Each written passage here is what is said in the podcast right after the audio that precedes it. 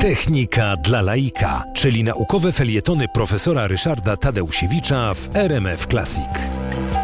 Dęby niestety są dość kapryśne, dlatego że okazuje się, że znaczna część, czasem się mówi, że nawet do 40% żołędzi, które spada z drzew, którymi się chętnie dzieci bawią, y, niestety te żołędzie nie nadają się do tego, żeby z nich wyrosły sadzonki, ponieważ są wewnątrz y, zmienione chorobowo, my to nazywamy mumifikacją.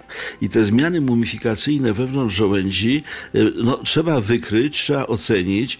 Były różne prace, żeby te żołędzie ważyć, żeby te żołędzie tam badać mechanicznie.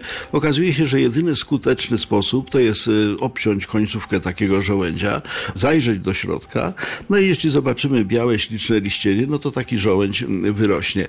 Y, jeśli y, tam jest czarno, zgnilizna, zmiany mumifikacyjne, trzeba go odrzucić.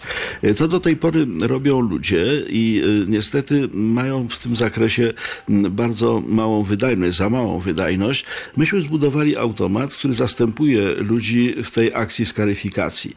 E, potrafi pochwycić żołędź, potrafi sprawdzić, czy on jest we właściwym ułożeniu, a jeśli trzeba, to umie go odwrócić we właściwy sposób, tak żeby cięcie nastąpiło no, po, po właściwej stronie żołędzia.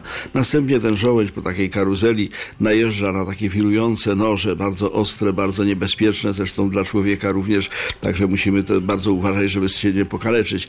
Ale wtedy żołędź zostaje obcięty, e, nadjeżdża nad kamerę telewizyjną, ona przekazuje obraz wnętrza do komputera. Komputer ocenia, czy ten żołędź będzie e, dobrze czy źle rokował, no i potem wrzuca się ten żołędź automatycznie do jednego z trzech pojemników. Pierwszy to te do, do sadzenia, dobre, sprawdzone, prawie na pewno wyrosną i rzeczywiście wyrastają, sprawdziliśmy to.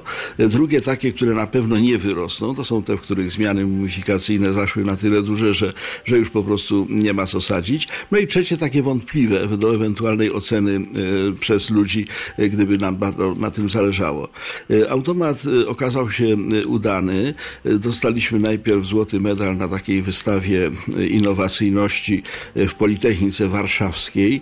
Na 400 wystawionych tam różnego rodzaju wynalazków nasz, nasz automat do skaryfikacji żołędzi uzyskał złoty medal, pierwsze miejsce. No i teraz uzyskaliśmy na targach poznańskich kolejny złoty medal i walczymy o trzeci medal, bo y, można y, głosować w tej chwili przez internet na różne wynalazki, które były pokazywane na targach poznańskich. Na razie nasz y, skaryfikator przoduje w tym. Wobec tego już niedługo będziemy dzięki automatyzacji mieli nowe, piękne, szumiące dęby.